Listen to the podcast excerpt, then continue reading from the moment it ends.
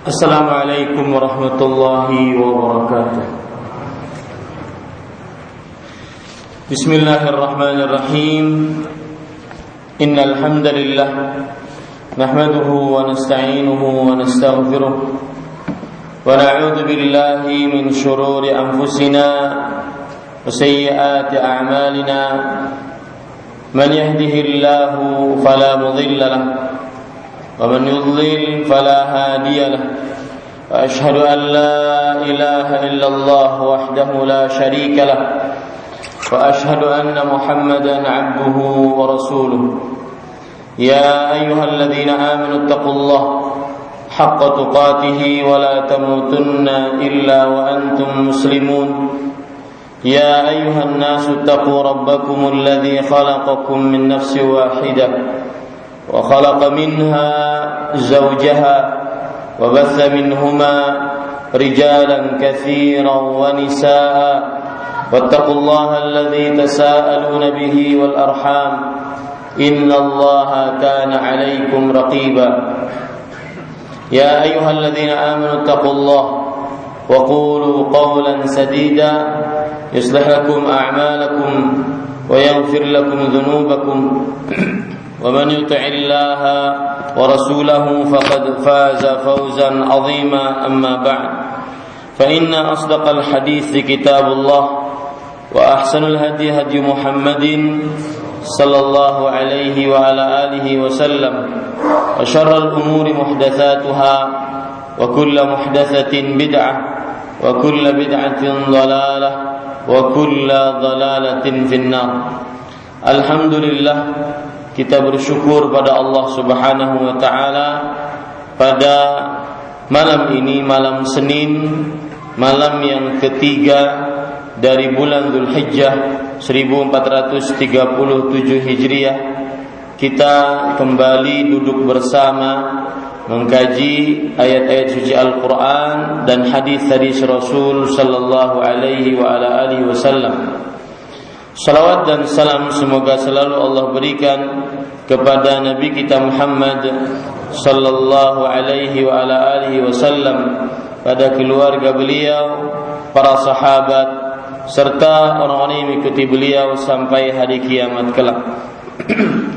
Dengan nama-nama Allah yang husna dan sifat-sifat yang mulia kita berdoa اللهم إنا نسألك علما نافعا ورزقا طيبا وعملا متقبلا Wahai Allah, sesungguhnya kami mohon kepada Engkau ilmu yang bermanfaat, rezeki yang baik, dan amal yang diterima. Amin ya Rabbal Alamin. Bapak Ibu saudara-saudari yang dimuliakan oleh Allah Subhanahu wa taala, setiap malam Senin pada pekan pertama dari bulan-bulan Masehi adalah jadwal saya di Masjid Baitul Hikmah Universitas Lambung Mangkurat ini. Dan seperti biasa kita membahas tentang fiqhul usrah al-muslimah, fikih keluarga muslim. Dan pada pertemuan sebelumnya kita sudah membahas tentang permasalahan al-hulul lil masyakil zawjiyah. Solusi problematika rumah tangga yang disediakan dalam agama Islam. Dan pada pertemuan sebelumnya juga kita sudah membaca beberapa fatwa fatwa yang disebutkan oleh Fadilatul Syekh Abdullah Abdurrahman Ibn Jibril rahimahullahu taala. Salah seorang ulama besar di abad ini. Dan beliau adalah berasal dari negeri Arab Saudi. Dan beliau mempunyai buku yang berjudul Al-Hulul Asy-Syar'iyyah lil Masyakil Az-Zawjiyah solusi syariat untuk problematika rumah tangga. Isinya adalah tentang fatwa-fatwa beliau untuk beberapa permasalahan-permasalahan dan problematika yang ada di tengah rumah tangga dengan segala macam permasalahannya. Sebelum kita melanjutkan membaca fatwa-fatwa beliau, Maka saya ingin mengingatkan para ikhwan yang dirahmati oleh Allah Subhanahu wa taala bahwa sering sekali terjadi masalah problematika percekcokan pertengkaran di tengah keluarga antara suami istri disebabkan tidak mengamalkan surat Al-Baqarah ayat 228. Disebabkan tidak mengamalkan surat Al-Baqarah ayat 228. Allah Subhanahu wa taala berfirman, "Walahunna mithlul ladzi 'alaihinna bil ma'ruf." Dan para istri memiliki hak sebagaimana mereka mempunyai kewajiban. Ayat ini adalah timbal balik. Seorang istri mempunyai hak terhadap suaminya yang patut diberikan oleh suaminya. Dan dia berhak untuk mengambil hak-hak tersebut dari suaminya. Dan seorang suami mempunyai hak dari istrinya yang berhak dia ambil dan itu merupakan kewajiban sang sang istri untuk menunaikannya.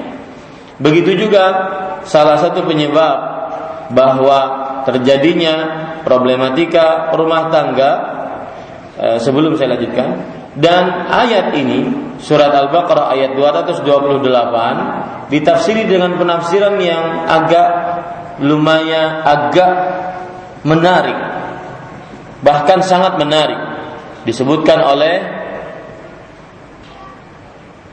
sahabat Nabi Abdullah bin Abbas radhiyallahu anhu ahli tafsir di generasi sahabat Nabi Muhammad sallallahu alaihi wasallam radhiyallahu anhu beliau mengatakan wallahi inni la uhibbu an atazayyana limraati kama tuhibbu an atazayyana saya ulangi wallahi inni wallahi inni la uhibbu an atazayyana limraati kama uhibbu an tatazayyana li artinya demi Allah aku sangat menyukai untuk berpenampilan yang baik di hadapan istriku baik itu penampilan pakaian ataupun kelakuan atau ucapan. Aku sangat ingin berpenampilan yang baik di hadapan istriku sebagaimana aku ingin dan menyukai istriku berpenampilan yang baik di hadapanku. Lihat penafsirannya. Ya, penafsirannya sangat luar biasa. Artinya di situ ada timbal balik. Kita menuntut hak, maka kita harus mengerjakan kewajiban istri kita menuntut hak, maka dia juga harus mengerjakan kewajiban. Maka insya Allah Taala jarang terjadi percekcokan, problematika, kesenjangan, pertengkaran. Bahkan kadang-kadang pertengkaran terjadi untuk sesuatu yang sangat sepele. Kemudian juga sebab yang kedua, kenapa sering terjadi percekcokan, pertengkaran, problematika karena juga tidak mengamalkan surat An-Nisa ayat 9. Tidak mengamalkan surat An-Nisa ayat 9. Allah Subhanahu wa taala berfirman, "Wa 'ashiruhunna bil ma'ruf." Fa in karihtumuhunna syai' fa in karihtumuhunna fa 'asa an takrahu syai'an wa yaj'alallahu fihi khairan katsira. Artinya, dan gaulilah istri-istrimu dengan baik. Ini redaksi ayat ditujukan kepada para suami. Gaulilah istri-istrimu dengan baik. Maka jika kamu membenci sesuatu dari istrimu, niscaya Allah akan menjadikan di dalam diri istrimu kebaikan yang banyak. Ini menunjukkan bahwa Sebab salah satu penyebab seorang atau keluarga terpecah belah, bertengkar, sering terjadi masalah adalah karena kelakuan dari salah satu pasangan. Kelakuan salah satu pasangan. Dan yang dituntut untuk lebih dewasa di dalam hal ini adalah sang suami. Karena sang suami adalah pemimpin.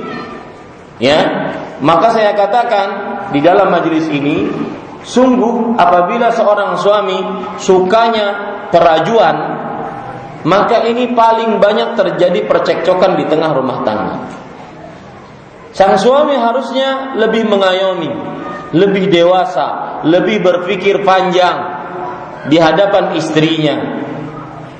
Allah berfirman wa ashiruhunna bil ma'ruf dan gaulilah istrimu dengan baik. Baik bergaul di atas ranjang, bergaul dengan ucapan, bergaul dengan perbuatan, meminta sesuatu, ingin dibikinkan sesuatu atau yang semisalnya.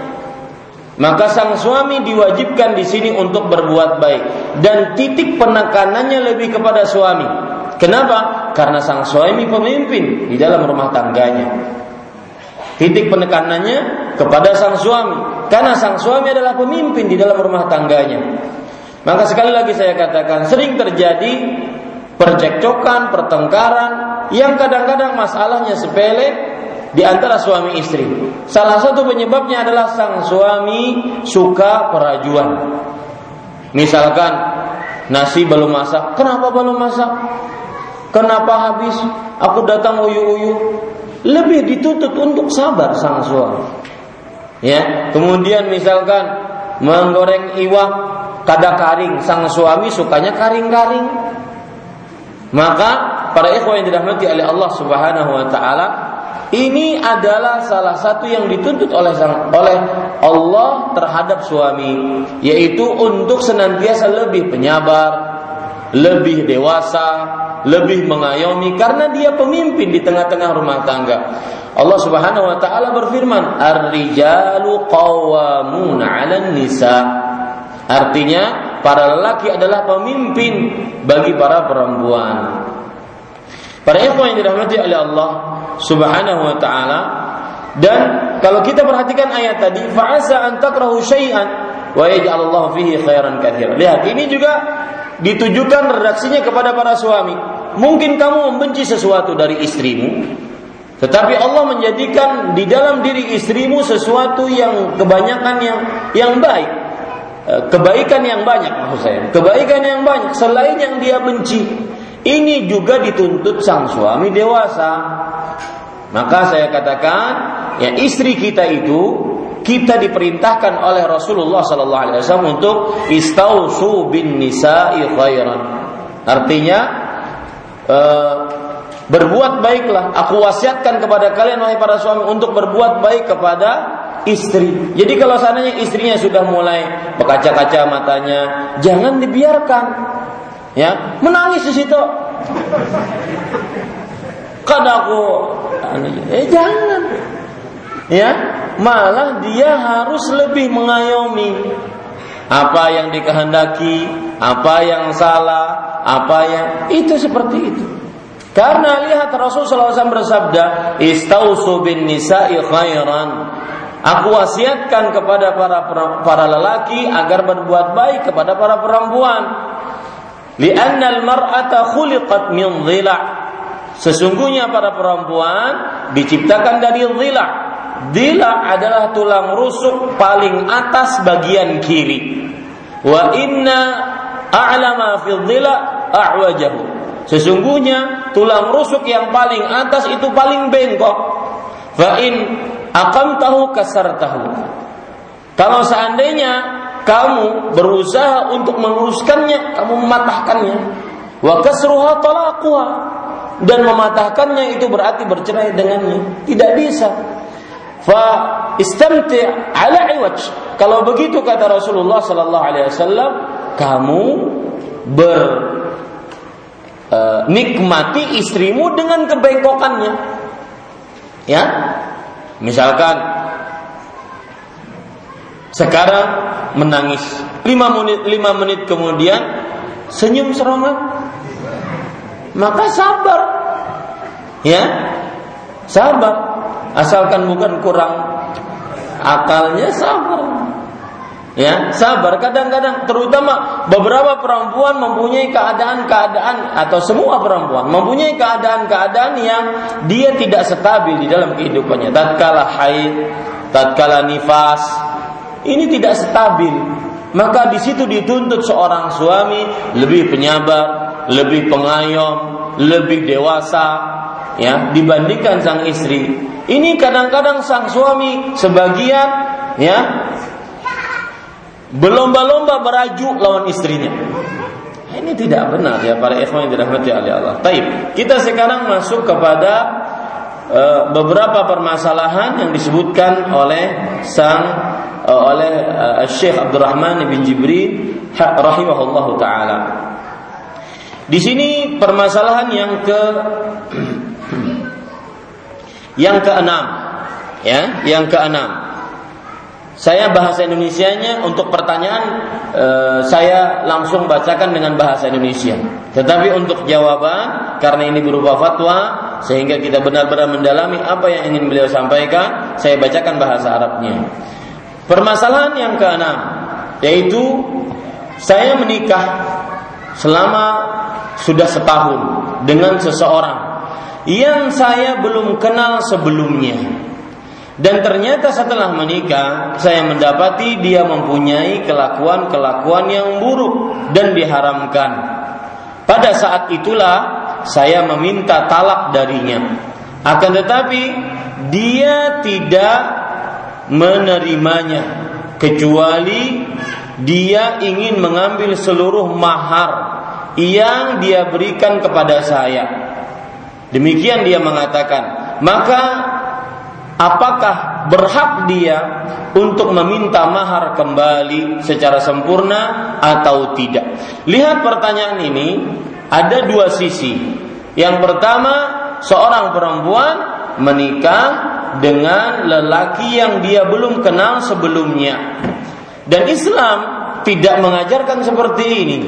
Islam mengajarkan apabila ingin menikah maka Rasulullah sallallahu alaihi wasallam bersabda kepada Jabir, "Unzur ilaiha fa innahu ahra an yu'dama bainakuma."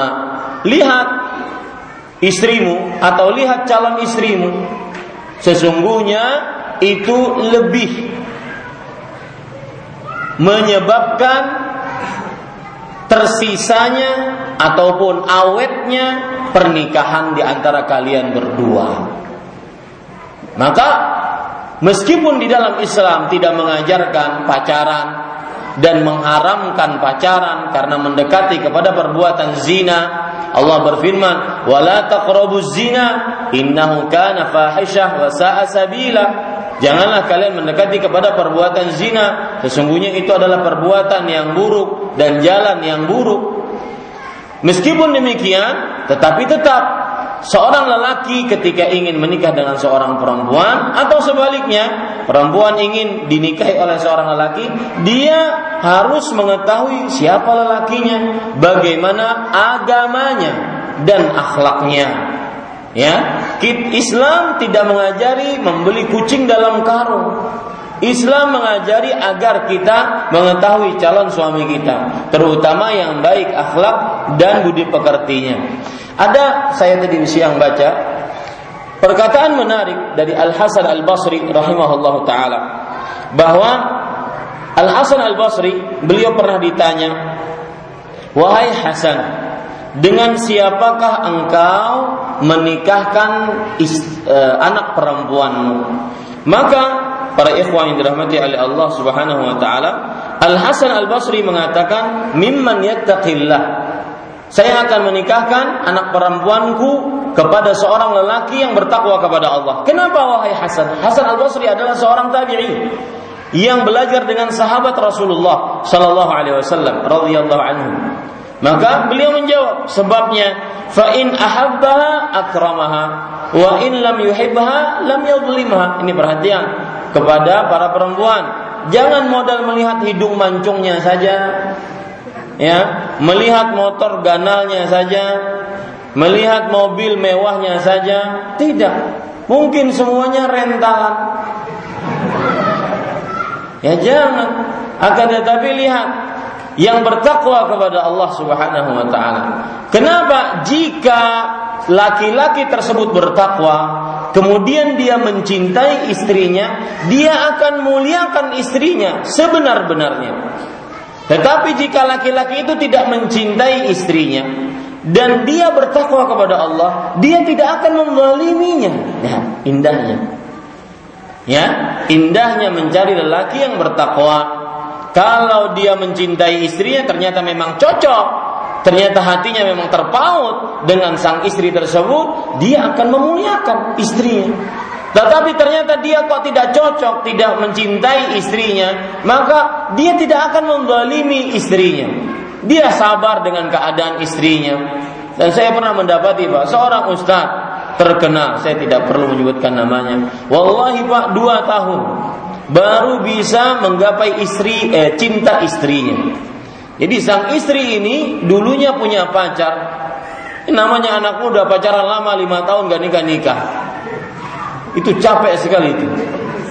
Ya, keluar modal banyak tapi tidak ada mendapatkan hasil. Maka para ikhwah akhirnya dinikahi oleh sang ustadz ini. Nikah sederhana, mahar sederhana. Kemudian setelah itu sang sang perempuan ini masih mengingat pacarnya. Bahkan suatu ketika, subhanallah, dan ini cerita hakiki. Sang ustaz sendiri cerita kepada saya. Suatu ketika dia perpulang kampung ke kampung istrinya. Kemudian sang ustadz ini mengetahui mana pacarmu dulu. Kata sang istri dengan tegasnya menjawab, lihat di masjid yang paling ganteng itu dulu pacar saya. Ternyata Beliau masuk ke masjid, beliau cerita, benar din katanya. Paling ganteng. Anak mungkin berapa persennya dibandingkan dia. Tetapi sang suami sabar. Ya, lihat orang kalau bertakwa sabar, sabar. Bahkan ketika masuk di rumah makan sudah jadi suami istri, mungkin di rumah makan tersebut ada musik-musik. Dan orang pacaran kadang-kadang inilah musik kebangsaan kita berdua. Nah, ketika mendengar itu sang istri menangis, ditanya oleh sang ustadz, "Kenapa menangis wahai istriku?" Musiknya mengingatkan dia, subhanallah. Iya. ya, ini para ikhwan yang dirahmati oleh Allah. Dan lihat seorang seorang suami yang bertakwa, dia meskipun tidak dicintai oleh istrinya, dia sabar, dia tidak akan membalimi istrinya sampai akhirnya dia bisa menggapai cinta istrinya. Dan bahkan sekarang istrinya sangat marah apabila sang suami menerima telepon dari penanya perempuan. Ya, ini para ikhwan yang dirahmati oleh Allah Subhanahu wa taala. Perhatikan baik-baik sekali lagi bahwa di sini saya ingin mengingatkan dari pertanyaan tadi bahwa Islam tidak mengajarkan kita menikah dengan orang yang tidak kita kenal. Maka bisa kita mencari biodata tanpa kita harus pacaran. Ya, tanpa kita harus pacaran. Bertanya kepada bapaknya, bertanya kepada kakak laki-lakinya, jangan bertanya kepada adik perempuannya. Nanti bahaya bertanya kepada adik perempuannya. Usia kecantol lawan adik perempuannya. Ya bertanya kepada uh, keluarga-keluarga lakinya bagaimana ibadahnya, bagaimana uh, hal-hal yang berkaitan dengan agamanya, akhlaknya, sholat malamnya, baca Qurannya dan semisalnya. Ini satu dari pertanyaan. Kemudian para ikhwah yang ditanyakan juga dalam pertanyaan ini adalah bahwa akhirnya sang istri melihat kelakuan yang buruk bahkan diharamkan oleh Allah dari sang suami. Dia minta talak. Ini dalam bahasa fikih namanya khulu' minta talak Makanya di dalam pertanyaan disebutkan bahwa sang suami tidak setuju kecuali kalau sang istri memberikan seluruh maharnya kepada suaminya, kepada dia. Ini namanya khulu'. Khulu' itu adalah proses seorang perempuan minta cerai kepada suaminya disebabkan karena sebab syariat. Atau adapun karena sebab tidak syariat maka ini tidak diperbolehkan. Bahkan ini dosa besar. Dalam hadis riwayat Tirmidzi Rasul sallallahu alaihi wasallam bersabda ayyuma imra'atin talabat min zawjiha talaqa min ghairi ma basin fa haramun alaihi raihatul jannah. Wanita mana saja yang minta talak kepada istrinya tanpa sebab, maka haram baginya mencium bau surga. Kemudian di zaman yang serba canggih, serba mudah mengakses informasi, kemudian serba mudah berkomunikasi dengan seseorang ini, akhirnya timbul masalah baru secara fikih, yaitu ada kadang-kadang laki-laki dan mungkin laki-laki ini dianggap soleh, mungkin juga ahli agama, kadang-kadang dicurhati oleh para perempuan, istri-istri orang, maka hati-hati yang dicurhati ini. Jangan sampai dia menjadi orang-orang yang memecah belah rumah tangga. Ya, jangan sampai. Ini para ikhwah. Makanya kadang-kadang kalau seandainya ada ibu-ibu yang curhat melalui SMS ke saya, WhatsApp ke saya, maka saya hanya ingin bertanya, masalahnya apa? Kadang ada yang bikin uh, pertanyaan 20 halaman. Ini ceritakan dari awal sampai akhir keluarganya. Tidak perlu. Hati ustad pun ustad pun manusia. Ya. Ini para ikhwah hati-hati jangan sampai seseorang membuat tergoda dengan uh, atau terpecah belah keluarga yang sah. Baik, sekarang kita baca apa yang dijawab oleh Syekh.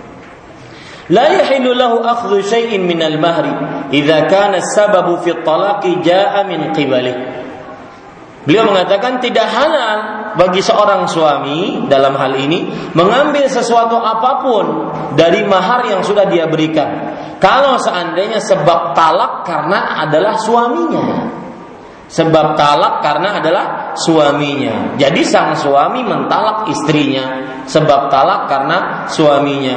Hal ini berdasarkan firman Allah dalam surah An-Nisa ayat 21 sampai 20. Wa in aradtum istibdala zawjin makana zawj wa ataitum ihdahunna qintaran fala ta'khudhu minhu syai'a ata'khudhunahu buhtanan wa ithman mubina wa kaifa ta'khudhunahu wa qad afdha ba'dukum ila ba'd wa akhadna minkum mitsaqan ghalidha. Jika kalian ingin wahai para suami mengganti istri dengan istri yang lain. Ya maksudnya dia sudah tidak cocok dengan istri ini, dia ganti dengan istri yang lain dan kalian telah memberikan mahar kepada salah seorang istri tersebut, maka tidak boleh bagi kalian untuk mengambil maharnya kembali. Ini perhatian kepada para suami. Kalau ada seorang suami mentalak istrinya karena memang suami ingin mentalak istrinya, dia tidak boleh untuk mengambil maharnya kembali yang sudah dia ambil. Kemudian Allah menyebutkan dan ini pengancaman dari Allah. Apakah kalian mengambil mahar tersebut sebagai bentuk dusta besar dan dosa yang sangat nyata? Kok bagaimana bisa kalian mengambil mahar tersebut? Kalian sudah merasakan lezat dengan perempuan itu. Kalian sudah berhubungan satu dengan yang lainnya dan kalian sudah mengambil darinya dari perempuan tersebut yaitu perjanjian yang ataupun perjanjian yang agung. Ini menunjukkan keutamaan menikah bahwa dia adalah mitsaqan ghaliran, tali erat yang sangat tebal, ya, yang pantang sebenarnya terputus. Maka kemudian beliau menjawab, "Fa kana zawju sayyi'ul akhlaq." Kalau seandainya seorang suami buruk akhlaknya, syarisan. Syarisan itu terlalu banyak ngomel, hukudan, dengki, ghaduban, suka marah, temperamental, sa'bul baqa' ma'ahu, maka sulit untuk hidup bersamanya. Wa in kana sayyi'udz dhanni katsirul ittiham, yuhaqqiqu idza dhanna fayutlaqu lisanu bis sabab wal 'aib wal thalab wal buhd wal kadhib wa yarfa'u sautah. Dan kalau seandainya dia berprasangka buruk terhadap istrinya. Dia adalah orang yang suka berprasangka buruk terhadap istrinya. Kalau seandainya dia sudah berprasangka buruk, maka sang suami mulai me mencelanya, mulai menyebutkan aibnya, mulai setelah itu berdusta atas istrinya, mengangkat suara di hadapan istrinya, au yamuddu yadahu fayadribu biha, atau dia suka memukul istrinya, au bi'asan dengan tangannya atau dengan Eh, kayu atau dengan batu atau dengan silah dengan uh, senjata. Faminal masyaqqah suhbatu wal maka susah untuk hidup bersama suami seperti ini. Ya susah untuk hidup bersama suami seperti ini. Wa kadza idza kana bakhila. Ini perhatikan wahai para suami. Kalau tadi akhlak yang buruk dari seorang suami. Suka marah suka mukul beraninya sama perempuan. Ya maka ini susah untuk hidup dengan laki-laki yang seperti ini. Dan juga wakana idza kana bakhilan. Seorang suami yang bakhil, mumsikan syahihan nafs wal qalb, dia senantiasa menahan hartanya dari istrinya, ya. Istrinya memperlihatkan dasternya rabit hanya ditukarkan Nah, ini para ikhwan yang dirahmati oleh Allah. Syadidul bukhl, sangat bakhil, qalilun nafaqah ma wa tharwati. Padahal dia sedikit nafkahnya kepada istrinya, padahal dia orang yang kaya, banyak hartanya. Famina sab baqa'u zaujatihi ma'ahu wa hiya tu'ani min al-ju' wal 'ari wal juhdi wal dhiq fil ma'isha. Maka suami yang seperti ini susah untuk hidup bersamanya karena sang istri nantinya akan kelaparan, akan telanjang, akan kesusahan, akan kesempitan di dalam kehidupannya. Maka pada saat itu sang istri berhak untuk meminta cerai kepada suaminya. Kemudian itu jadi saya sering mengatakan kepada para suami kesalahan suami kadang-kadang dilihat dari kelakuannya, akhlaknya kepada istrinya. Dan kesalahan suami juga kadang-kadang dilihat dari hubungannya terhadap Allah. Dua sebab ini yang membolehkan sang istri meminta menggugat cerai dari suaminya. Saya ulangi. Suami yang mempunyai keburukan akhlak, suka pemarah, suka mencaci, suka memukul, kemudian bakhil, tidak suka memberi nafkah padahal dia kaya, ya sangat perhitungan dengan istrinya. Ini pantas sang suami untuk tidak bisa hidup sang istri untuk tidak bisa hidup dengan suaminya. Sebab yang kedua yaitu maka saya sering nasihatkan ya para ikhwan laki-laki itu harus gentle. Kalau mau kelahi dengan laki-laki jangan dengan perempuan. Ayo kamu nih ketempelin kamu. Ya beraninya sama perempuan. Ini laki-laki macam apa ya tidak benar seperti ini. Lihat Rasulullah SAW dalam hadis riwayat Tirmidzi, beliau bersabda khairukum khairukum li ahli wa ana khairukum li ahli. Sebaik-baik kalian adalah suami yang paling baik kelakuannya terhadap istrinya.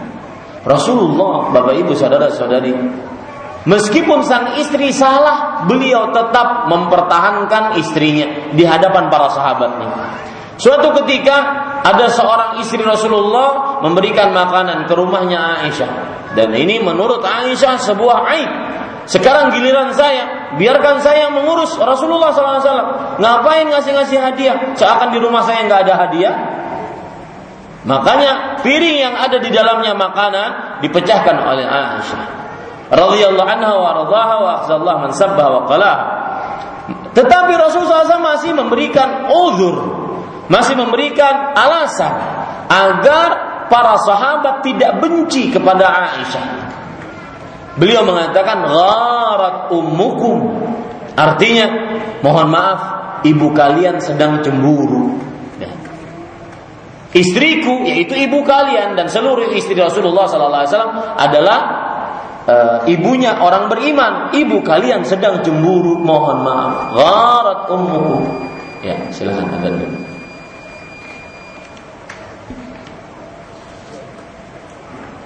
نعم سلام.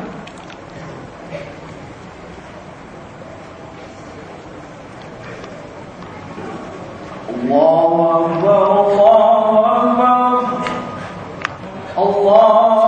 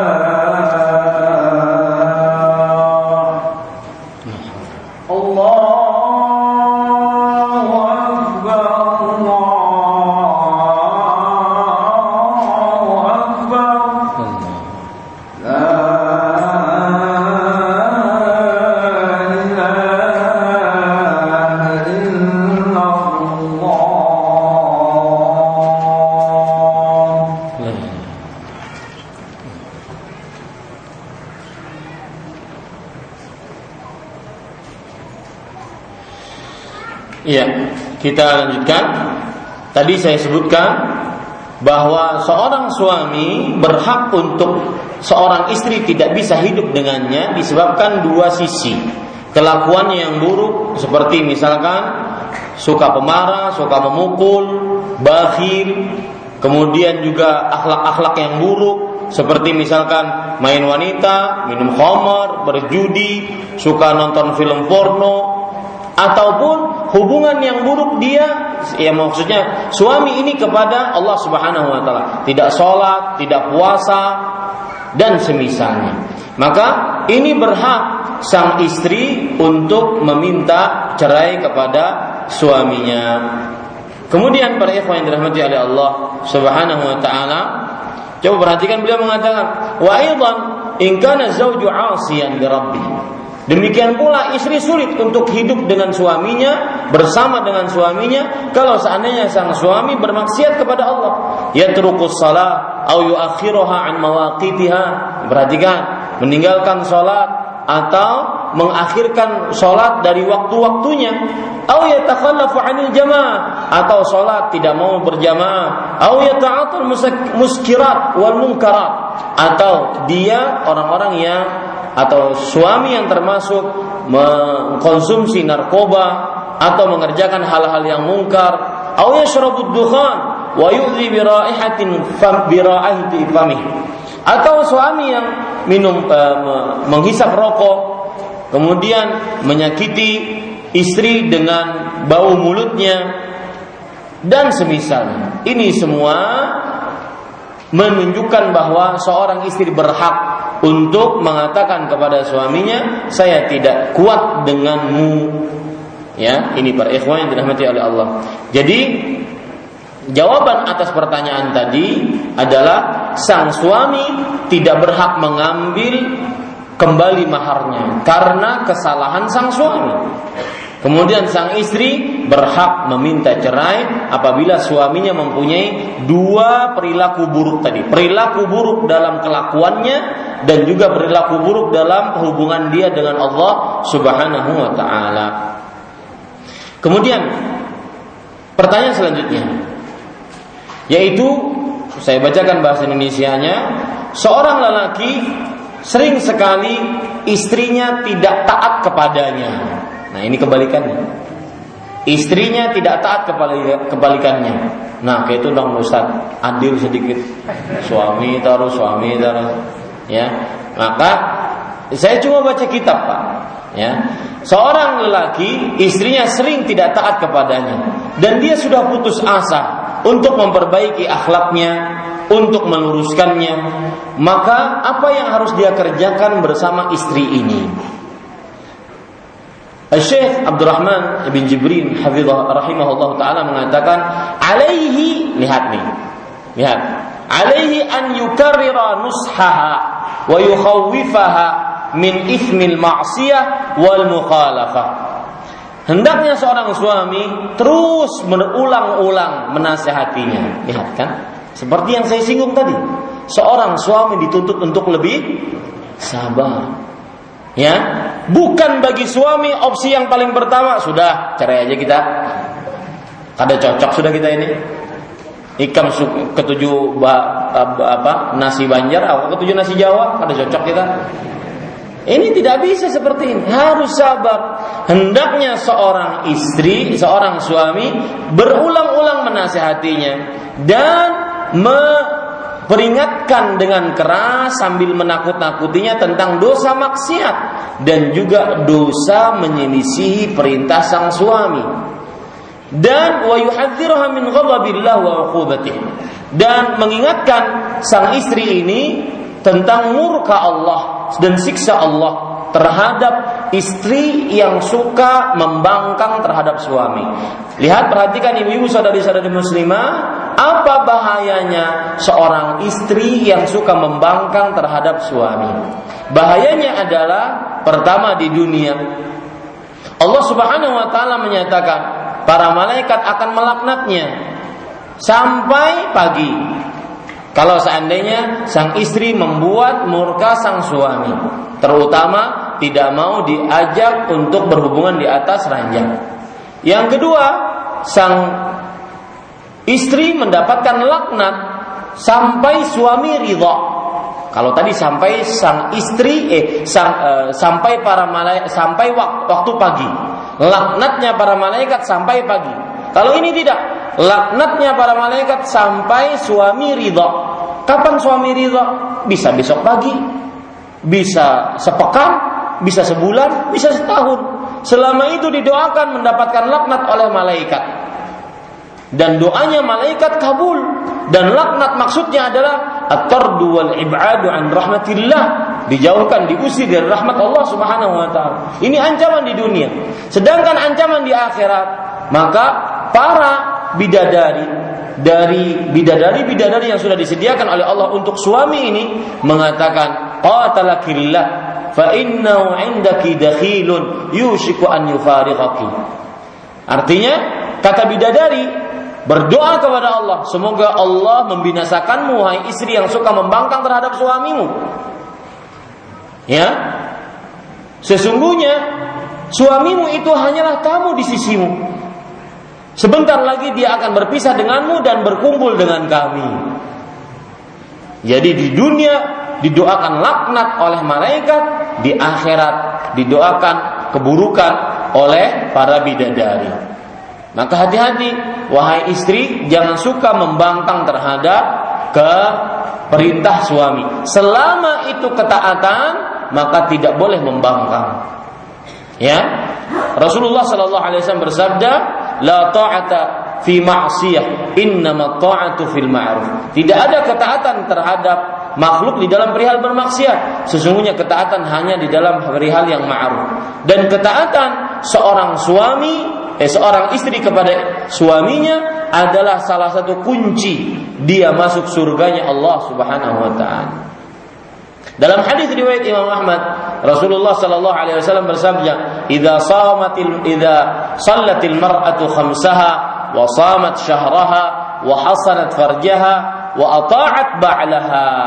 Qila laha udkhulil jannah min haitsu abwabil jannati syi'ti. Jika seorang istri sholat lima waktu yang wajib puasa wajib Ramadan menjaga kemaluannya taat kepada suaminya maka akan dikatakan kepada istri tersebut masuklah engkau ke dalam surga dari pintu-pintu mana yang engkau kehendaki Nah, ini termasuk amalan sang istri taat kepada suami. Kemudian perhatikan, fa ini istaqamat wa saluhat amsakaha.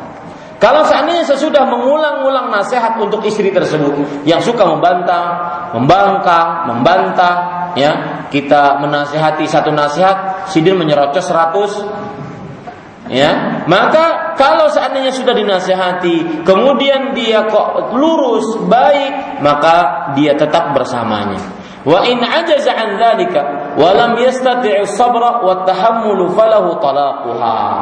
Kalau seandainya dia sudah lemah, susah untuk menasihatinya, tidak sanggup untuk bersamanya, maka boleh dia mentalak istrinya tersebut. Fahiyallati janat ala nafsiha. Lihat, Sang, di sini sang suami bukan yang mendolimi istri karena dia sendiri yang membuat masalah terhadap dirinya.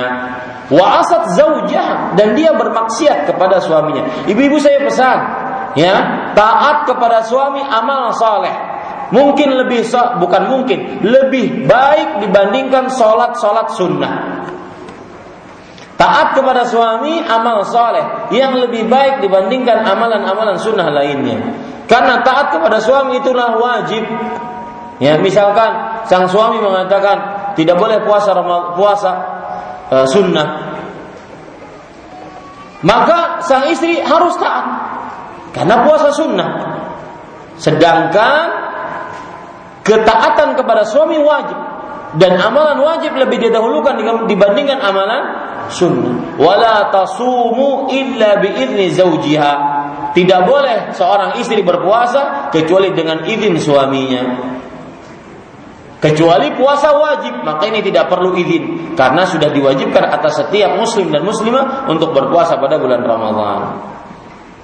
Kemudian uh, Syekh Ibn Jibril rahimahullah mengatakan, "Fal wajibu 'ala zaujah an tuti'a zaujaha." Kewajiban bagi seorang istri untuk mentaati suaminya. Famata talabaha lil firash fa'abat la'anatha al malaika hatta tusbih. Sebagaimana sudah saya sebutkan. Kapan sang is sang suami meminta istrinya untuk keranjang dan ranjang di sini adalah bahasa kiasan yaitu bergaul, bersetubuh, berjima Lalu sang istri enggan, maka para malaikat akan melaknatnya sampai pagi. Hatta tusbiha idza bata wa huwa ghadbana 'alaiha. Sampai pagi kalau seandainya sang suami malam itu murka terhadap istrinya. Di sini ada permasalahan. Apakah kalau seandainya sang suami tidak murka, maka boleh sang istri menolak karena ada seorang ibu-ibu bertanya, Ustaz, saya menolak ajakan suami. Tapi sidin biasa aja, merangut kada, bebandir kada. Ya, maka hati-hati. Mungkin itu dipendam di dalam hati. Itu satu. Yang kedua, di sana ada hadis bahwa meskipun tidak dia eh, suami tersebut tidak murka, maka tetap saja dilaknat oleh malaikat. Ya, Ay idza da'a ar-rajulu imra'atahu ila firashi fa'abat jika seorang lelaki mengajak suami istrinya ke ranjangnya, lalu sang istri menolaknya. Ya, di sini tidak disebutkan sang suami marah tidak, tidak disebutkan. Fa'abat, sang suami eh, sang istri hanya menolak, sang suami tidak marah. La'anat hal malaikah hatta yarda'anha. Para malaikat akan melaknat perempuan tersebut sampai sang suami ridho kepada istrinya. Kemudian di sini juga ada masalah. Ustaz, itu kan disebutkan malam. Kalau malam itu dia murka. Kalau seandainya siang, ulun menolak ajakan suami bagaimana? Apakah dapat malaikat? Kan hadisnya berbunyi, dilaknat malaikat sampai pagi. Hadisnya kan tidak berbunyi, dilaknat malaikat sampai malam. Suaminya mungkin menginginkan pagi atau siang, lalu saya enggan, mengantuk sadai. Uyu habis be bemasak, ya. Maka para ikhwan yang dirahmati oleh Allah, jawabannya bagaimana? Jawabannya mudah. Penyebutan malam dan para malaikat melaknatnya malam itu sampai pagi karena kebiasaan bergaul, kebiasaan diranjang adalah di malam hari. Demikian. Jadi berarti bagaimana Ustaz? Tetap pagi pun juga tetap dilaknat. Ya, tetap mendapatkan murka Allah Subhanahu wa taala. Kemudian lihat perhatikan, wa man takharajat biduni idzni fahiya 'asiyah li zawjiha. Nah, ini perhatikan Bu. Dan kapan seorang istri keluar dari rumahnya tanpa izin suaminya, maka dia bermaksiat kepada suaminya. Wadzalika yusabbibu sakhatallah wa ghadabih. Dan itu menyebabkan menyebabkan kemurkaan dan kemarahan Allah Subhanahu wa taala. Wa ma ta'adharat fi wajhi wal mukhalafah li amri fahiya 'asiyah tastahiqqul 'uqubah. Kapan seorang istri memperlihatkan wajah yang cemberut, masam, ya, kemudian tidak suka kepada suaminya, maka ini dan itu seulun pribadi ya tidak bisa dibegitukan oleh perempuan ya dicemberuti di apa namanya di eh, masami muka ya maka ini sebuah penghinaan terhadap laki-laki ya maka dia adalah bermaksiat dan berhak untuk mendapatkan hukuman. Kemudian Syekh menjelaskan, kama anna 'ala zauj at-taghadhi 'ala al-hafawat waz-zallat. Tetapi jangan lupa juga sang suami, nah, mau Ustaz lagi pulang tenang. Sang suami hendaknya mempunyai sifat yaitu suka memaafkan kesalahan-kesalahan dari sang istri wal musamaha fin naqsi alladhi yahsulu minha dan sering-sering memaafkan di dalam kekurangan yang ada pada sang istri. Nabi Muhammad sallallahu alaihi wasallam bersabda kata beliau, "Innal mar'ata khuliqat min dhila." Hadis yang saya sebutkan tadi. Sesungguhnya perempuan diciptakan dari tulang rusuk, dhila. Walan tastaqima laka ala tariqah istrimu tidak akan pernah lurus bersamamu dalam satu jalan. Kamu ingin begini, dia tidak akan pernah bisa. Ya, itu sudah nas. Nas dari Rasulullah sallallahu alaihi wasallam. Bingin begini, dia tidak akan pernah bisa. Dia pasti ada menggak-menggoknya, belok-beloknya, pasti ada itu. Fa ini istamta'ta biha, istamta'ta biha wa biha yaj. Kalau kamu menikmatinya dan kamu menikmatinya dalam keadaan dia masih bengkok, wa in dhahabta kasartaha. Jika kamu berusaha meluruskannya berarti kamu mematahkannya. Wa kasruha talaquha. Dan mematahkannya adalah mentalaknya. Maka para ikhwan yang dirahmati oleh Allah Subhanahu wa taala itu jawaban atas pertanyaan tadi bahwa suami eh, istri yang sering membangkang kepada suaminya. Maka terus dinasehati terus dinasehati sampai sang istri tersebut dia benar-benar taat kepada suaminya. Kemudian masalah selanjutnya yang kedelapan yaitu berikanlah fatwa kepada kami tentang seorang perempuan yang keluar dari rumah suaminya tanpa keridhaan suaminya disebabkan untuk mengunjungi kedua orang tuanya. Jadi sang istri orang tuanya sakit, maka dia keluar dari rumah suaminya tanpa izin suaminya, tanpa keridhaan suaminya untuk menjenguk kedua orang tuanya yang sedang sakit ataupun dalam keadaan sedang wafat. Maka bolehkah ini pertanyaannya jika dia keluar dengan alasan apa yang sudah disebutkan tadi. Dan apakah itu termasuk maksiat kepada sang suami? Ya? Apakah itu keluar dari hukum-hukum syariat? Syekh menjawab ya juzulah boleh bagi perempuan tersebut. Bal yustahabbu ziyaratu walidayha kull usbu' bahkan dianjurkan bagi perempuan tersebut untuk mengunjungi menjenguk kedua orang tuanya setiap pekan atau setiap bulan. Wala fi man'iha. Lihat. Ini jawaban orang berilmu. Dan tidak pantas untuk suami untuk melarangnya kalau ke dalam keadaan terpaksa. Saya ulangi, tidak pantas, tidak berhak sang suami dalam keadaan terpaksa melarangnya. Berarti kalau tidak terpaksa apa? Berhak untuk suami melarangnya. Ataupun belum mengizinkannya. Ya, karena satu dan lain hal mungkin tapi kalau dalam keadaan terpaksa tidak berhak suami untuk melarangnya. Wala tu'tabaru 'asiyah idza marida ahadu abawaiha aw mata fa kharajat lil aw li ta'ziyah. Dan bukan termasuk maksiat kalau seandainya seorang istri orang tuanya sakit atau meninggal lalu dia keluar rumah untuk menjenguknya atau untuk takziah fa inna man'aha ta'arradun lil 'uqubah wal qati'ah wa hajrul aqarib alladhi dzakarahum Allah haqqhum qabla haqquz zauj lihat perhatikan ini jawaban orang berilmu. Sesungguhnya melarang istri untuk menjenguk keluarga, terutama dalam keadaan keluarganya ya, keluarga sang istri. Terutama dalam keadaan terpaksa, orang tua sakit, orang tua meninggal, ini akan mendapatkan siksa atau ancaman siksa. Dan termasuk memutuskan hubungan kekerabatan. Dan termasuk memboikot kerabat yang mana hak para kerabat hak para kerabat itu didahulukan sebelum hak suami ya sebagaimana disebutkan oleh Allah dalam surah An-Nisa ayat 36 wa bil walidaini ihsana wa bidzil qurba wal yatama wal masakin wa bani sabil wal jari dzul qurba wal jari junubi was sahibi bil jambi wa bani sabil. Dan berbuat baiklah kepada kedua orang tua dan para kerabat dan anak-anak yatim dan tetangga, tetangga yang dekat, tetangga yang jauh, wasahibi bil jam dan juga para istri.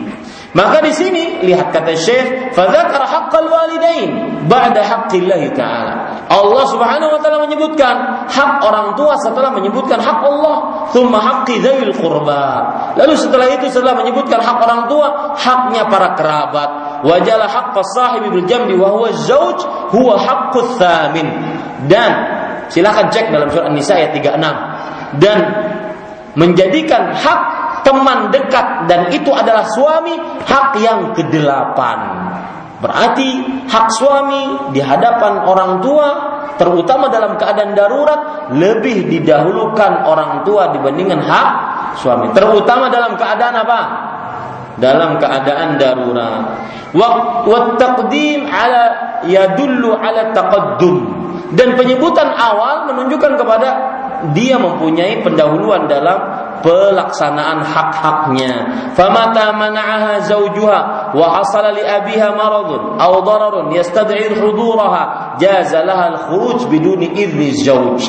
Kapan seorang suami melarang istrinya padahal bapaknya atau orang tuanya sakit atau mendapatkan keburukan dan meminta agar hadir maka boleh sang istri untuk keluar rumah tanpa izin suaminya. Wa ma'a dzalik 'alaiha an taltamisa ridha zauj, tetapi jangan lupa juga sang suami sang istri meminta keridhaan, meminta maaf, kerelaan dari sang suami. Wa tahrisu 'ala iqna'ihi hatta la yahsulu firaq aw shana'an wa 'adawah baina zauj wal aqarib. Dan juga berusaha agar melapangkan dada sang suami sehingga tidak terjadi pertengkaran, perdebatan antara suami dengan keluarga istri. Demikian. Ya, ini yang ke-8. Kemudian yang ke-9. Permasalahannya suami saya minum khamar. Dan jika dia mabuk, dia mentalak saya sebanyak 100 kali. Apakah jatuh talaknya? Berikan fatwa, semoga engkau wahai syekh mendapatkan pahala. Jawabannya, nansahuka bi talabil infisal minhu lihat ini. Ka nansahuki bi talabil infisal minhu. Kami nasihatkan kepada engkau wahai sang istri untuk minta berpisah dari suami ini. Fa inna hadzal fi'la minhu muharram. Sesungguhnya perbuatan ini yang dilakukan oleh sang suami haram, yaitu minum khamar. Wa alaihi had idza syaribal khamr fayujlad 80 jildah dan dia berhak untuk mendapatkan hukum had, hukum ponis yaitu dicambuk sebanyak 60 cambukan. Ini kalau di e, negara yang dilakukan syariat Islam. Ya. Haitsu innal arba'in fi hadhihi al-azminah la takfi. Nah, di sini memang Syekh ingin mengingatkan bahwa sebenarnya orang yang minum khamar, ketahuan minum khamar, hukum Islamnya dicambuk 40 kali saja. Tetapi untuk zaman sekarang kata beliau tidak cukup. 40 kali itu ringan. Orang zaman sekarang macal-macal, maka ditambah dua kali lipat yaitu 80 kali. Beliau mengatakan, "Haitsu innal arba'in fi hadhihi al-azminah la takfi." 40 kali cambukan di zaman ini tidak cukup. Lirtida'in nas wa likasrati man yata'atal muskirat. Karena manusia suka membangkang dan karena saking banyaknya orang yang sudah mengkonsumsi narkoba. Thumma inna innahu yastahiqqul qatl idza taqarrara minhu. Nah, perhatikan. Ya khamar ya. Sesungguhnya orang yang minum khamar itu berhak untuk dipancung jika dia terlalu sering kedapatan minum khamr. Itu hukum Islam seperti itu sebenarnya. Ustaz sadis banget hukum Islamnya. Maka kita katakan tidak. Ada syarat-syarat yang harus terkumpul Dan ada halangan-halangan yang harus dihilangkan. Baru bisa didirikan hukum had, hukum fonis. Saya beri contoh misalkan ya. Dan contoh ini sedikit menyimpang. Dan contoh ini agar kita lebih paham hukum Islam. Bahwa hukum fonis had kisas itu tidak di luar kemanusiaan. Bukan tidak sesuai dengan hak asasi manusia. Enggak. Islam itu yang agama yang paling menjunjung hak asasi manusia. Maka lihat contoh misalkan hukum ponis terhadap seorang yang sudah menikah berzina. Hukumnya apa sudah menikah berzina. Hukumnya apa? dirajam sampai mati.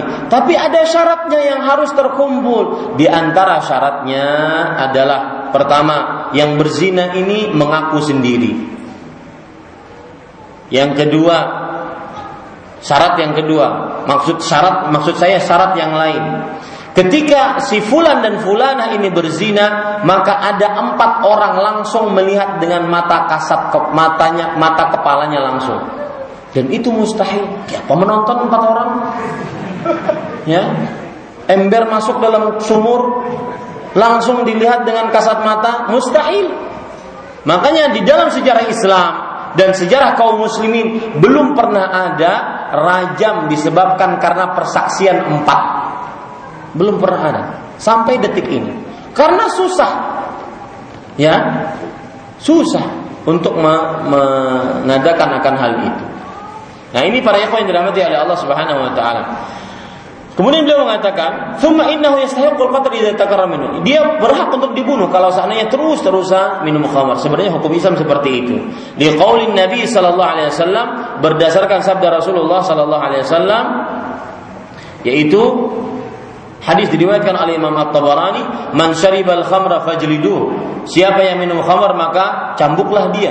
Thumma in syariba fajlidu. Kalau dia minum lagi cambuklah dia. Thumma in syariba fajlidu. Kalau dia minum lagi cambuklah dia. Thumma in syariba rabi'ah faqtuluh. Dan kalau seandainya dia minum lagi yang keempat, maka bunuhlah. Oh, subhanallah. Coba kalau itu diterapkan di negara kita, berapa banyak yang sudah dibunuh? Ya. Tetapi tentunya itu terkum harus terkumpul apa syarat-syaratnya ya dan juga dihilangkan halangan-halangannya. Kemudian beliau mengatakan, Syekh mengatakan, wa aidan fa inna man sakara hadhihi wa talaffadha bi kalamin qabih thumma innahu la yu'man fi sukrihi an yadriba min hawlihi aw yajlidahu aw yaqtulahu aw yahrifahu fatlu bi talaqqus takhallus minhu. Artinya, kemudian orang yang uh, mabuk seperti ini, dia sering berbicara dengan pembicaraan yang buruk. Kemudian juga wahai istri kata beliau, orang seperti ini tidak bisa kita ambil keamanan darinya tatkala dia mabuk, dia bisa memukulmu, dia bisa memukul orang sekitarmu, dia bisa membunuhmu, dia bisa membakarmu, maka mintalah secepat mungkin untuk berpisah darinya. Ya, Ustaz, ulun masih sayang lawan ini Ustaz. Sayang mengapa?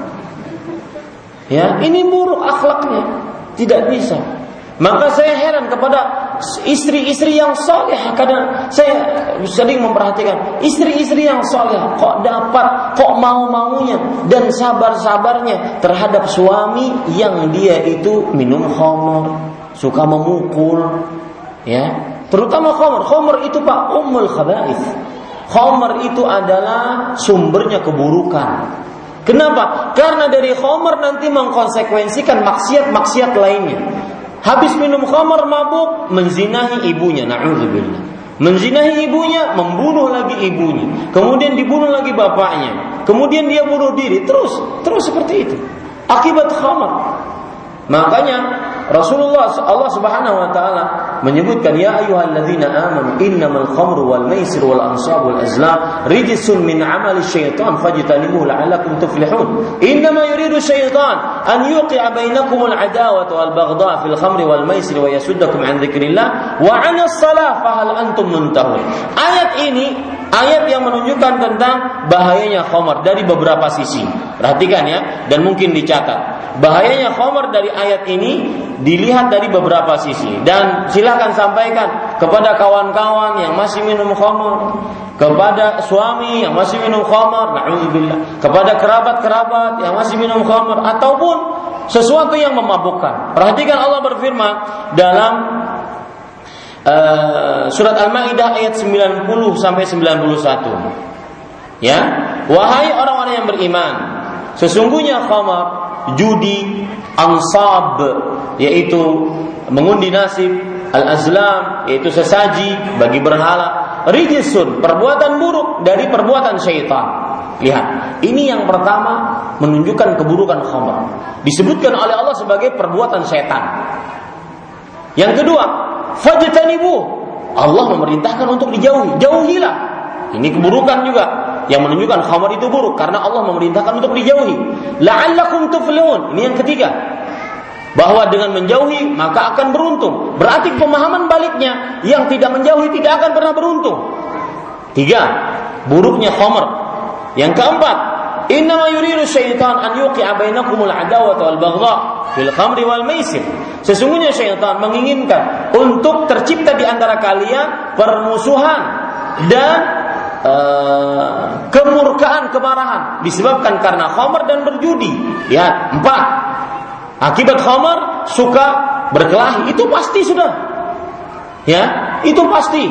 Khamar pasti mendatangkan kriminal, berkelahi, memukul orang, ya wa yasuddakum an yang kelima menahan melarang kalian ataupun melalaikan kalian menahan kalian dari berzikir kepada Allah.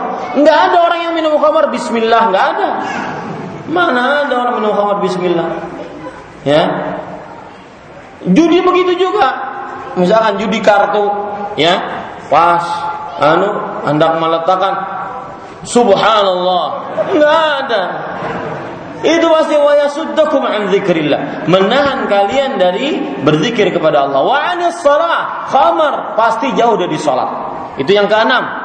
Khamar menahan dari salat. Fahal antum muntahun. Yang ketujuh, maka berhenti. Maka apakah kalian mau berhenti? Ajakan dari Allah untuk berhenti. Tujuh perkara yang menyebabkan kita wajib menjauhi khamar. Diambil dari surah An-Maidah ayat 90 sampai 91. Ini para ikhwan yang dirahmati oleh Allah Subhanahu wa taala. Kita kembali ke fatwa tadi.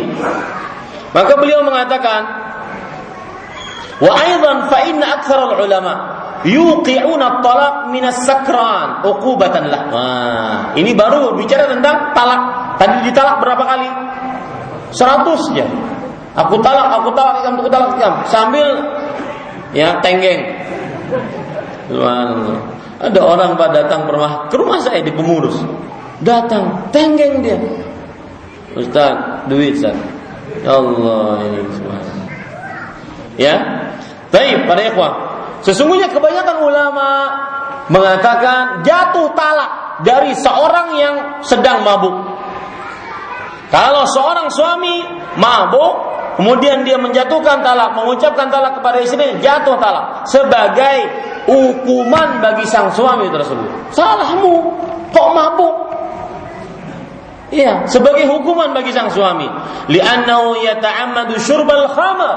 Karena dia menyengajakan dirinya minum khamar wa huwa ya'lamu ma yatarattabu alaihi min zawalil aql wa su'it tasarruf dan dia tahu kalau dia mabuk pasti hilang akalnya dan buruk kelakuannya ya makanya kalau seandainya dia sengaja minum khamar, kemudian dia mengucapkan talak jatuh sebagai hukuman baginya. Lalu dia tahu bahwa khamar itu menyebabkan hilang akalnya, tidak sadar dan semisalnya. Kemudian beliau mengatakan, wa aidan fa inna sahabata aqabu man yas yuskir ala fi'li halas sukr. Lihat, para sahabat Nabi radhiyallahu anhu. Ini dalil-dalil beliau. Para sahabat Nabi tetap menghukumi orang yang sedang mabuk atas perbuatannya. Jadi kalau seandainya ada orang mabuk membunuh orang, itu orang mabuk dibunuh secara hukum Islam kalau sudah terbukti. Meskipun dia sedang mabuk, Ustaz dia sedang mabuk kan hilang akalnya, maka kita katakan begitulah para sahabat Nabi radhiyallahu anhu. Misalkan orang mabuk mencuri, orang mabuk membakar rumah, maka dia kena hukum had, hukum kisas. Ya, begitulah para sahabat Nabi radhiyallahu anhu. Faqalu idza syariba sakara wa idza sakara hada wa idza hada iftara wa hadd al-muftari wa hadd al-muftari 80 wa hadha sarihun fi uqubati ala dhanbin irtakabu ala sukri wa huwa al-iftira. Para sahabat mengatakan, kalau dia minum dia akan mabuk. Kalau dia mabuk dia akan uh, melakukan sesuatu yang tidak jelas. Kalau dia melakukan sesuatu yang tidak jelas, dia akan melakukan kedustaan, penipuan dan hukuman bagi seorang penipu, pendusta adalah dicambuk sebanyak 80 cambukan. Maka para ikhwan yang dirahmati oleh Allah, terakhir beliau mengatakan, "Fa'ala zaujatihi al-imtina min firashi idza talaqaha wa huwa sakran hatta yahsula ala jawabin fi ibahatiha." Dan bagi seorang istri hendaknya dia menjauhi suaminya di, di ranjangnya jika dia sudah mentalaknya dalam keadaan mabuk tadi sampai dia mendapati jawaban ya dia mendapati jawaban tentang kebolehannya menggauli sang suami atau melayani sang suami artinya sampai sang suami sadar dan merujuknya ini menunjukkan para ikhwah bahwa sang suami yang minum khamar dan dia mentalak istrinya tatkala minum khamar itu jatuh talaknya menurut pendapat Syekh. Kenapa? Sebagai hukuman dan juga sebagai uh, ya hukuman bagi orang tersebut dia tahu kalau dia minum khamar dia akan mabuk. Kalau dia mabuk dia akan ngomong seenaknya. Itu sebagai hukuman orang seperti itu. Kemudian masih ada waktu ya. Kemudian para yang dirahmati oleh Allah Subhanahu wa taala. Masalah selanjutnya yang ke-10.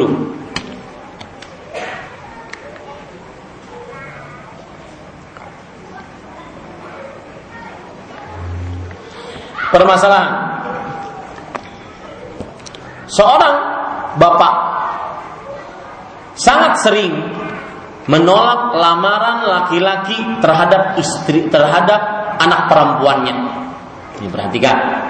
Seorang bapak sangat sering menolak lamaran laki-laki terhadap anak perempuannya sampai anak perempuan tersebut dewasa bahkan tua ya dalam bahasa Arabnya unusa sampai tua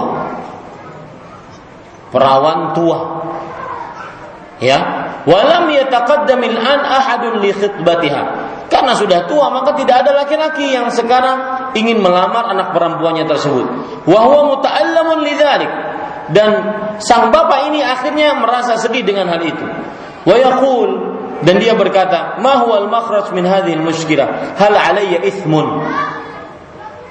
Apa solusi dari permasalahan ini? Apakah saya mempunyai dosa atas kelakuan-kelakuan eh mempunyai dosa atas kelakuan-kelakuan saya yang telah melarang para pelamar lelaki melamar anak perempuan saya. Syekh menjawab, La syakka, tidak diragukan, anna alaihi ithman. Bapak seperti ini mempunyai dosa. Fi ta'khiri tazwiji ibnati. Ya, yaitu karena mengakhirkan menikahkan anak perempuannya.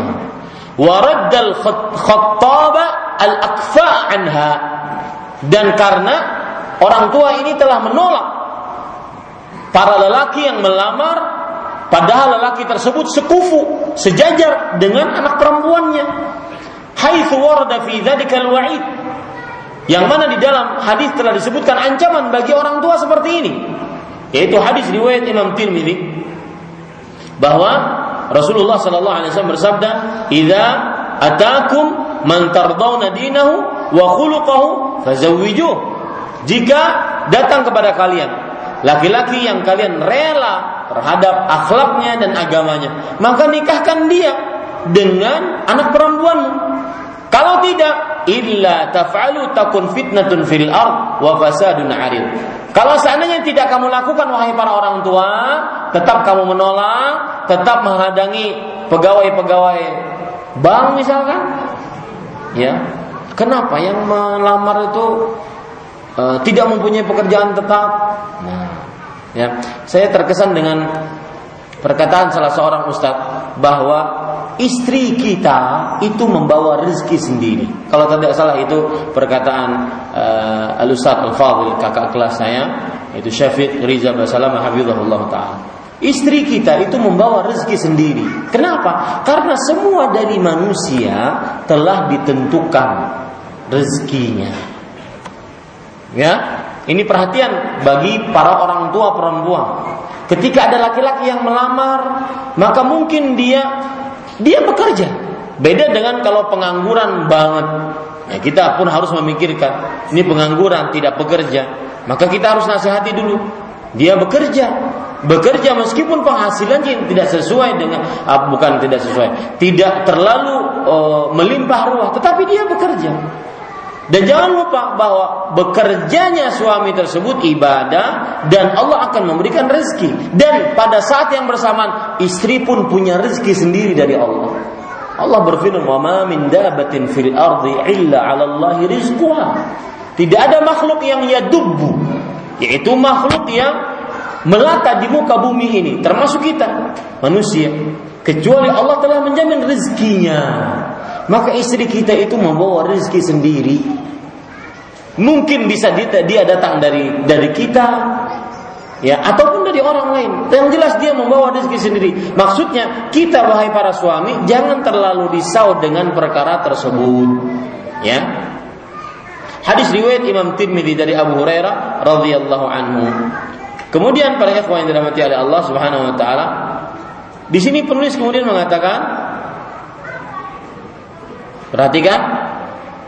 Wahaitsu qad fatal awan wa ta'akhkhara al-khuttab ba'da an kaburat fa ara anna 'alaihi an yu'aridha ala ahli al-khair. Ini solusi diberikan oleh Syekh. Dan kalau seandainya kalau kita lihat sudah terlambat waktunya ya kemudian para lelaki yang melamar sudah tidak mau lagi karena sudah tua maka aku berpendapat kata beliau orang tua ini sang perempuan ini menawarkan kepada orang-orang yang baik. Entah itu orang saleh ahli agama atau bukan ahli agama tetapi dia saleh tawarkan. Ini solusi. Wa yuradhibuhum fi zawajiha walau kana ahaduhum ma'ahu zaujatan aw zaujatan. Artinya dan hendaknya sang uh, orang tua memotivasi ya orang-orang baik tersebut agar menikah dengan anak perempuannya. Meskipun sang e, laki-laki yang saleh ini sudah punya istri satu atau dua yang penting dia membayar hutangnya kepada anak perempuannya. Pernah pak kejadian nyata di Arab Saudi? Dan kita tahu pak Arab Saudi mahal maharnya. Mahal. Kadang-kadang saya pernah ngobrol dengan kan kalau dulu di Arab Saudi saya tidak punya mobil dan ke mana-mana naik taksi. Kadang-kadang kita naik taksi bersama orang Arab Saudi, sopirnya orang Arab Saudi asli, ya. Jadi tidak semua sopir di sana orang Arab, ada orang Bangladesh, ada orang ya orang Pakistan, ada orang India, ada orang Arab Saudi. Nah, kalau orang Arab Saudi saya asik ngobrolnya karena di samping untuk melancarkan bahasa Arab, kemudian juga di, mereka asik ngobrolnya. Nah, salah satu yang sering saya tanyakan sudah menikah mas? Kalau bahasa kita belum. Kenapa? Tuh lihat, saya punya istri, saya punya anak tiga. Waktu itu anak saya lahir semua di sana tiga. Apa kamu nggak ingin? Ya sih, saya ingin. Bawa saya ke Indonesia. Saya bilang kenapa nggak menikah di sini? Beliau mereka mengatakan di sini mahal. Kadang-kadang mahar 10 ribu real. Kalau satu realnya 3.700 berapa 10 ribu real? 300 ribu enggak? 300 37 juta enggak 300 307 juta atau 370 juta.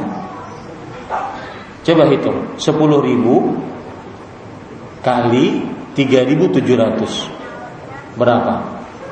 Berapa juta? 370 juta. Lihat, mahar itu. Belum ya akhi kata dia, belum apartemen harus ada. Kalau enggak perempuan mana mau katanya. Kemudian belum perabotan rumah seisi kamar. Ya, maka kadang-kadang sampai kepada 60 ribu. Jadi habis menikah bukan uh, bukannya nyaman, tetapi malah mumet pikiran. Ini para ikhwan. Jadi malam pertama yang ada adalah hutang. Hutang, hutang, hutang. Maka para ikhwan jangan seperti ini, ya. Jangan seperti ini. Maka perhatikan beliau mengatakan meskipun sang eh, orang yang baik yang kita tawarkan anak perempuan kita tadi karena dia terlambat, meskipun dia punya istri satu, istri dua, sudah tawarkan saja. Yang penting anak perempuan kita menikah. Nah, para ikhwah yang dirahmati Allah, ada kejadiannya tadi Arab Saudi bahwa orang tua laki-laki ini sering menolak, eh, orang tua perempuan ini sering menolak. Pelamar laki-laki ditolak, ditolak, ditolak, ditolak, sampai akhirnya sang perempuan ini menepus. Wah, menepus berarti sampai umur 50 tahun. Belum menikah gara-gara ditolak oleh sang sang orang tua. Ya. Akhirnya apa? Akhirnya meninggal. Sebelum meninggal, sang perempuan mengatakan kepada bapaknya, "Ya abati, Inna mau'idana amama Allah Azza wa. Wahai bapakku, saya akan minta pertanggungjawaban nanti di hadapan Allah Subhanahu wa taala. Aku tunggu engkau di hadapan Allah. Ini hati-hati orang tua yang seperti ini. Ya. Dan subhanallah saya tadi pagi menyatakan di Majelis Tahlim Ar-Rahman bahwa perempuan-perempuan yang tidak cerdas, tidak pintar, IQ-nya jongkok adalah Perempuan-perempuan yang apabila ada laki-laki yang baik akhlaknya, baik agamanya, kemudian dia masih terlalu banyak pikiran. Hadangilah sebulan minggu. Ini tidak pintar, tidak cerdas. Karena orang cerdas itu orang yang tahu kesempatan emas, langsung dia ambil. Ya, langsung dia ambil. Si fulan datang baik akhlaknya, baik agamanya, Kenapa harus menunggu? Ada ingin sebulan lagi. Anak memikirkan apa pikirkan? Ya. Maka orang yang cerdas adalah dia langsung menerima kesempatan emas. Laki-laki muda kalau tidak mau cari yang lain. Enggak mau cari yang lain. Sampai 20 kali mungkin ditolak lamarannya. Dia santai saja. Ya, ini para ikhwan. Adapun perempuan susah untuk menawarkan diri karena itu bukan tabiat seorang perempuan. Maka ini perhatikan wahai para orang tua terhadap anak-anak perempuan kita. Kemudian terakhir permasalahan ke-11. Saya seorang istri yang sudah bersuami dan saya mempunyai anak laki-laki dan anak-anak perempuan. Yang menjadi permasalahan adalah suami saya sering mencuri emas yang saya miliki. Ya. Dan emas tersebut yang membelikan adalah keluarga saya. Kadang-kadang saya pernah suatu ketiga pura-pura tidur Kemudian saya melihat dia melakukan itu, mengambil barang sang istri. Maka apakah saya terus terang kepada suami ataukah saya diam saja untuk menjaga kelestarian rumah tangga? Apa yang engkau wahai Syekh nasihatkan untukku? Beliau mengatakan, ini pendek saja jawabannya. Yafdulu an tahtafadhi bima yakhussuki minal huli. Kamu jaga ya perhiasan-perhiasanmu. Wa khususan idza istaraitahu aw istarahu ahlaki. Terkhusus kalau saatnya kamu yang beli atau dibelikan keluargamu, bukan suami yang membelikan. Ikhtasa zawjuki minhu syai'an fa adhhiri lahu al-isti'a inda faqdihi. Nah, beliau memberikan solusi. Kalau kamu merasa suamimu dan kamu tahu suamimu mencuri, maka perlihatkan seakan-akan kamu kehilangan sesuatu di hadapannya. Wahai suamiku, kayaknya emasnya berkurang ke mana nih? Duitku berkurang ke mana nih? Ya bukan menuduh dia. Ya, wa azhiri tabarrum wa taharru wa taharru wa tahassur ala ma minhu aw Dan kamu perlihatkan kepada dia, kamu sedih, kamu um, apa namanya? sedih atas hilangnya barangmu. Wa ausihi an yabhatha an au yu'awwidhaku badala ma dha'a min adh-dhahab. Dan wasiatkan kepada dia, kepada suamimu bahwa tolong carikan Sekalinya penjurinya siapa? Suaminya Tolong carikan. Ya. Wa ara an tusarihihi bi annahu huwa alladhi akhadahu law kunti ala yakinin man man sadaqa man min sadiqati hifadhan ala maslahatil mujtama wa baqa'il usrah dan aku berpendapat ini pendapat beliau yang lebih tegas bahwa lebih baik kamu terus terang dengannya Kalau kamu yakin bahwa suamimu lah yang mencurinya untuk menjaga kemaslahatan masyarakat dan juga tetapnya keluarga. Wa anta'dziri idza akhadha minhu syai'an li hajatin. Dan engkau wahai istri, maafkanlah suamimu. Kalau seandainya memang suami mengambil hartamu karena keperluan, faqad tazalla tanzilu bihi faqatun syadidah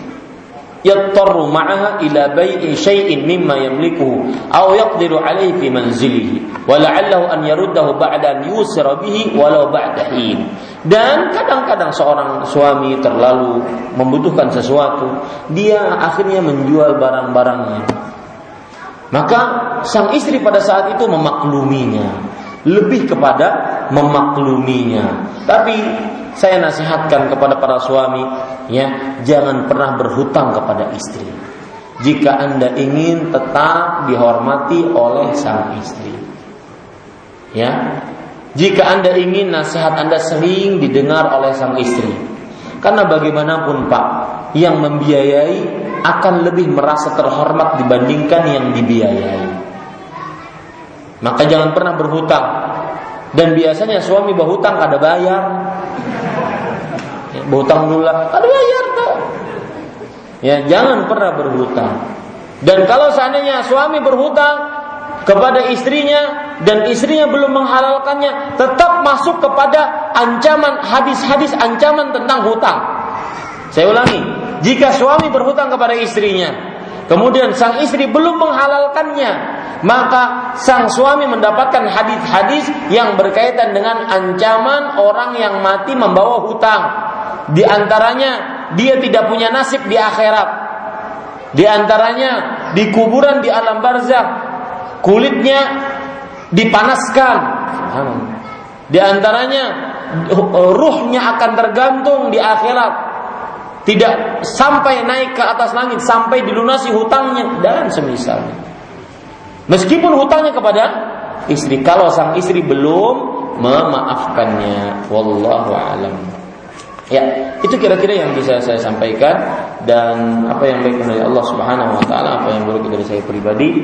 Sallallahu alaihi Muhammad walhamdulillahi rabbil alamin.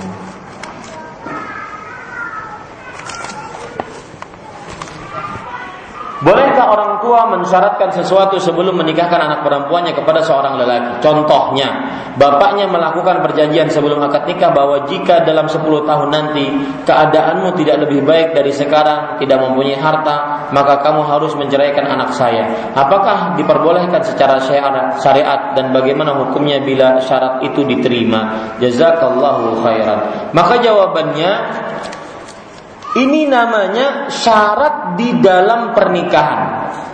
Dalam e, nikah ada namanya syarat nikah. Syarat nikah itu terkumpul syarat-syaratnya baru sah nikahnya. Seperti syarat nikah itu adanya wali bagi perempuan, ada mahar, ada saksi, ada ijab kabul, ada mempelai laki-laki dan perempuan. Itu syarat pernikahan. Di sana ada syarat dalam pernikahan. Syarat dalam pernikahan sang mempelai laki-laki boleh mengajukan syarat, mempelai perempuan boleh mengajukan syarat.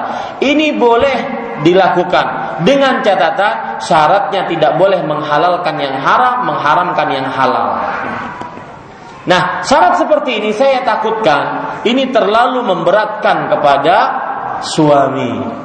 Ya, terlalu memberatkan kepada sang suami ataupun calon suami. Dan para ikhwah sebagaimana yang saya katakan tadi bahwa semua dari kita membawa rezeki masing-masing. Dalam hadis riwayat Imam At-Tabarani, Rasulullah SAW bersabda, "Lan tamuta nafsun hatta yastakmila rizqaha." Seseorang tidak akan pernah mati sampai dia menyempurnakan rezekinya. Maka setiap dari kita membawa rezeki masing-masing. Nah, kemudian yang kedua, untuk apa sang bapak mensyaratkan seperti ini? Ya, apakah tujuannya agar bahwa anak perempuannya hidup bahagia? Hidup bahagia bukan hanya dengan harta saja. Saya sering mengatakan, sebagian seseorang, sebagian orang keliru dalam memahami kekayaan. Kekayaan bukan mempunyai harta berlebih, Kekayaan adalah ketika seseorang merasa cukup meskipun dia orang yang paling sempit kehidupannya dilihat oleh manusia. Kemiskinan adalah orang yang selalu merasa kekurangan meskipun dia orang yang paling kaya raya melimpah ruah hartanya tetapi tetap merasa kekurangan dialah orang miskin maka untuk apa orang tua mensyaratkan seperti ini toh harta bukan tujuan utama tujuan utama adalah sakinah mawaddah dan rahmah wallahu a'lam jika istri malas diajak berhubungan, bukan ada uzur tapi benar-benar malas. Malas. Bagaimana sikap kita? Apakah kita dibolehkan menasihati ancaman e, menasihati ancaman-ancamannya, maksudnya dengan ancaman-ancamannya? Maka iya betul. Sang suami boleh untuk memberikan nasihat, menyebutkan hadis-hadis yang mengancamnya, yaitu mengancamnya dengan hadis-hadis, bukan mengancamnya e, dengan pukulan, tidak, ya dan ini sifat males untuk melayani suami ini buruk, ya. Diajak oleh suami males. Ini para ikhwan yang dirahmati Allah, ini adalah sifat buruk, tidak benar. Ditakutkan nanti diancam mendapatkan laknat dari para malaikat. Bagaimana cara menasihati istri yang suka nonton serial TV? Ya, maka jawabannya para ikhwah dirahmati oleh Allah saya nasihatkan bertakwalah kepada Allah. Itu nasihat paling utama. Usikum bitaqwallah. Nasihatkan takwa kepada Allah Subhanahu takut kepada Allah. Ya. Tidak manfaat, mohon maaf. Jilbab lebar, cadaran di rumah nonton sinetron. Enggak manfaat ada musiknya, ada laki-laki yang bukan mahramnya, membuang-buang waktunya.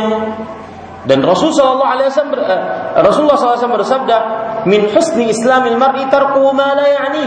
Termasuk kebaikan keislaman seseorang meninggalkan sesuatu yang tidak bermanfaat untuknya. Ya. Dan para ikhwan yang dirahmati oleh Allah, Selain televisi-televisi yang mengajarkan Al-Quran dan Sunnah dan dakwah salaf, dakwah sunnah, maka cenderung tontonannya berbau dosa dan maksiat. Atau minimal tidak bermanfaat. Ya, minimal tidak bermanfaat. Maka berbahagialah yang tidak pernah melihat melihat televisi karena mungkin di rumahnya tidak ada televisi. Wallahi Pak, menyibukkan ya menyibukkan seseorang, menyibukkan dari membaca Al-Qur'an, menyibukkan dari bermesraan dengan anak, bermesraan dengan istri, ya. Ini dulu. Ini episode terakhir nih. Ini di, di, sinetronnya menangis, si umpat menangis, si dimulinya aku. Si Din dapat duit, kita dapat apa? Ya, ini tidak benar. Para ikhwan yang dirahmati oleh Allah Subhanahu wa taala. Itu nasihat yang pertama. Maka nasihat saya nasihat takutlah kepada Allah. Imanlah yang jujur. Dan yang kedua, kita akan banyak pertanyaan di akhirat apabila kita melalaikan waktu. Yang ketiga, waktu itu bagaikan modal hidup manusia. Kalau seandainya modalnya habis, maka senantiasa tidak akan dapatkan keuntungan. Modal. Ya, wallahu a'lam. Apabila seorang istri tidak dinafkahi suaminya, tapi si istri tetap mempertahankan rumah tangganya demi anak dan setiap hari si istri harus bekerja seharian. Berdosa, berdosakah sang istri kadang menolak ajakan suami untuk keranjang karena lelah bekerja? Maka jawabannya ya para ikhwan yang dirahmati Allah, dalam perihal ajakan suami, maka sang istri tetap wajib untuk melayaninya. Tetapi sang suami tidak menafkahi istrinya, ini berdosa sang suami. Jadi di situ tidak ada main balas dendam. Sidin kada biaya ulun sata. Karena mau melayani. Maka tidak ada proses balas dendam seperti itu. Yang jelas tunaikan kewajiban dan mintalah hak. Makanya tadi di awal saya katakan Surat Al-Baqarah 238, walahunna mithlul ladzi 'alaihinna bil ma'ruf. Dan seorang istri mempunyai hak sebagaimana mereka mempunyai kewajiban. Bagaimana mengidentifikasi seseorang lelaki? Apakah dia termasuk lelaki yang bertakwa kepada Allah atau tidak? Maka jawabannya ditulis di sini Tips memilih jodoh. Bagus ini, saya jadikan judul kajian Tips memilih jodoh. Ya, maka jawabannya agar kita tahu bagaimana sang istri ini dia baik akhlaknya, baik agamanya, kita mencari data yang valid dari orang-orang terdekatnya, bapaknya, adiknya yang perempuan atau ibunya, ya, kemudian bibinya, teman-temannya di sekolah atau di kuliah atau di pekerjaan dan semisalnya. Cari berusaha Kemudian juga boleh sang perempuan bertanya langsung kepada sang laki-laki tersebut. Ya, agar kita tahu dia sholat benar atau tidak, boleh kita minta. Coba sholat, saya ingin melihat, boleh. Ya, coba baca Al-Quran, saya ingin dengar, boleh. Bertanya tentang ibadah-ibadahnya boleh, karena juga karena ini termasuk daripada mencari data yang valid sebelum kita uh, hidup bersama dengan dia menjadi kawan hidupnya. Wallahu a'lam. Terakhir, kalau wanita yang taat pada suami bisa di ditawari Allah masuk surga dari pintu mana saja. Bagaimana kedudukan suami yang memperlakukan istri dengan baik? Ya, maksudnya ini sang suami ingin timbal-timbalan ya ingin barteran. Kalau suami istri begitu, suami bagaimana? Maka para ikhwah nanti akan saya jawab ini di luar tema ada yang menyebutkan tadi Ustaz ada yang menyebutkan radhiyallahu anhum radhiyallahu anhuma apa bedanya? Ini dua pertanyaan. Yang pertama, suami yang baik maka dia akan mendapatkan gelar sebaik-baik manusia dari Rasul Shallallahu Alaihi Wasallam. Khairukum khairukum li ahli wa ana khairukum li ahli. Sebaik-baik kalian wahai para suami adalah yang paling baik kelakuannya terhadap istrinya dan aku adalah yang paling baik kelakuanku terhadap istriku. Itu satu. Yang kedua, dia akan selamat dari permintaan pertanggungjawaban di hadapan Allah. Suami yang berlaku baik kepada istrinya, dia akan selamat min, e, dari permintaan pertanggungjawaban. Rasulullah SAW bersabda, "Ar-rajulu ra'in ala ahli baiti wa mas'ulun an ra'iyati." Seorang suami pemimpin di rumah tangganya dan bertanggung jawab atas keluarganya. Yang ketiga, Seorang suami yang baik terhadap istrinya, memperlakukan istrinya dengan baik, santun dan yang diinginkan oleh Allah dan Rasulnya, maka dia senantiasa masuk surga. Dari mana? Rasul Shallallahu Alaihi Wasallam bersabda, "Ma min muslimin yastar'ihi Allah ra'iyah yamutu yawma yamutu wa huwa ghashil ra'iyati illa harrama Allah alaihi al-jannah illa harrama Allah alaihi al-jannah Artinya, tidaklah seorang muslim diberikan kewenangan untuk memimpin, termasuk di dalamnya suami memimpin istrinya dan anak-anaknya. Dan dia pada saat meninggal dalam keadaan menipu keluarganya, berbuat buruk terhadap istri dan anak-anaknya, tidak amanah terhadap istri dan anak-anaknya, berbuat zalim terhadap istri dan anak-anaknya, mendidik yang buruk terhadap istri dan anak-anaknya, memperlakukan keburukan terhadap istri dan anak-anaknya, maka melainkan dia akan mendapatkan eh, eh, diharamkan masuk surga. Pemahaman baliknya berarti suami yang baik dia masuk surga. Jadi banyak keutamaan-keutamaan suami yang baik. Ini kira-kira yang bisa saya sampaikan pada kajian kali ini. Jazakumullahu khairan atas atau ada yang langsung? Nah, silakan, Mas.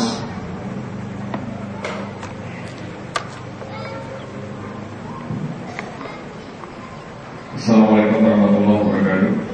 Waalaikumsalam Tadi saya menyebutkan bahwa diperbolehkannya istri untuk bersilaturahim kepada keluarganya. Ini ada satu kasus, misalkan begini, oleh sebab tertentu dan sudah waktu yang sudah ditentukan, istri harus uh, silaturahmi ke tempat orang tuanya. Tapi di posisinya di luar kota. Dan di saat itu yang sudah ditentukan, suami masih kerja di luar kota sehingga tidak bisa menemani istrinya untuk bersuara. Apakah istrinya tetap harus bersuara seorang tanpa didampingi suami meskipun suami seandainya pun istri e, bersahabat sendiri dia gitu. Terima kasih Assalamualaikum warahmatullahi wabarakatuh. Sebelum saya jawab pertanyaan, maka tadi ada pertanyaan yang belum saya jawab. Sekarang saya mau ucapkan radhiyallahu anhum, radhiyallahu anhu, radhiyallahu anhuma. Itu sesuai dengan yang kita ingin doakan untuk mendapatkan ridha Allah. Kalau sahabatnya banyak berarti radhiyallahu anhum. Kalau sahabatnya dua berarti radhiyallahu anhuma. Kalau sahabatnya satu radhiyallahu anhu untuk laki-laki. Untuk perempuan radhiyallahu anha. Ini sesuai dengan uh, siapa yang kita doakan mendapatkan ridho Allah Subhanahu wa taala. Dan termasuk adab kita terhadap para sahabat dan ini agama. Ini agama, ini akidah. Ya, ini akidah dan agama seorang muslim yang bermanhaj ahlus sunnah wal jamaah. Yaitu bahwa apabila disebutkan nama sahabat Nabi, maka kita taraddi anhum kita mendoakan mereka mendapatkan ridha Allah. Karena Allah pun meridhai mereka.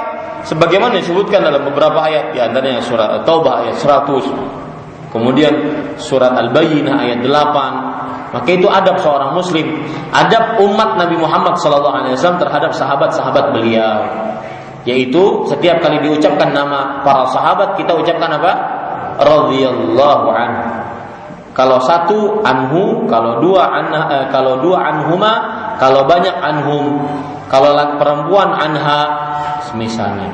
Kemudian pertanyaan tadi, kita katakan tadi bahwa boleh seorang perempuan, terutama dalam keadaan darurat, untuk keluar rumah tanpa izin suaminya menjenguk kedua orang tuanya.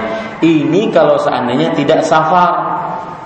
Kalau misalkan sekitaran Banjar, ya yang tidak dalam waktu safar dan juga aman. Adapun kalau safar maka harus ditemani dengan mahram. Maka tidak boleh seseorang berhaji tanpa mahram. Perempuan tidak boleh berhaji tanpa mahram. Bagaimana menjenguk orang tua? Sedangkan haji hak Allah tetap tidak boleh dengan mahram, tidak boleh tanpa mahram. Dan menjenguk orang tua hak makhluk. Tentunya hak Allah lebih tinggi dibandingkan hak makhluk hak hak Allah saja harus pakai mahram. Begitu juga apalagi hak makhluk. Jadi tetap kalau seandainya bepergian bersafar dia tidak diperkenankan kecuali jika ada mahramnya. Wallahu a'lam. Cukup tanya Subhanakallah hamdik, syahadu an la ilaha illa anta astaghfiruka wa atubu ilaik. Wassalamualaikum warahmatullahi wabarakatuh.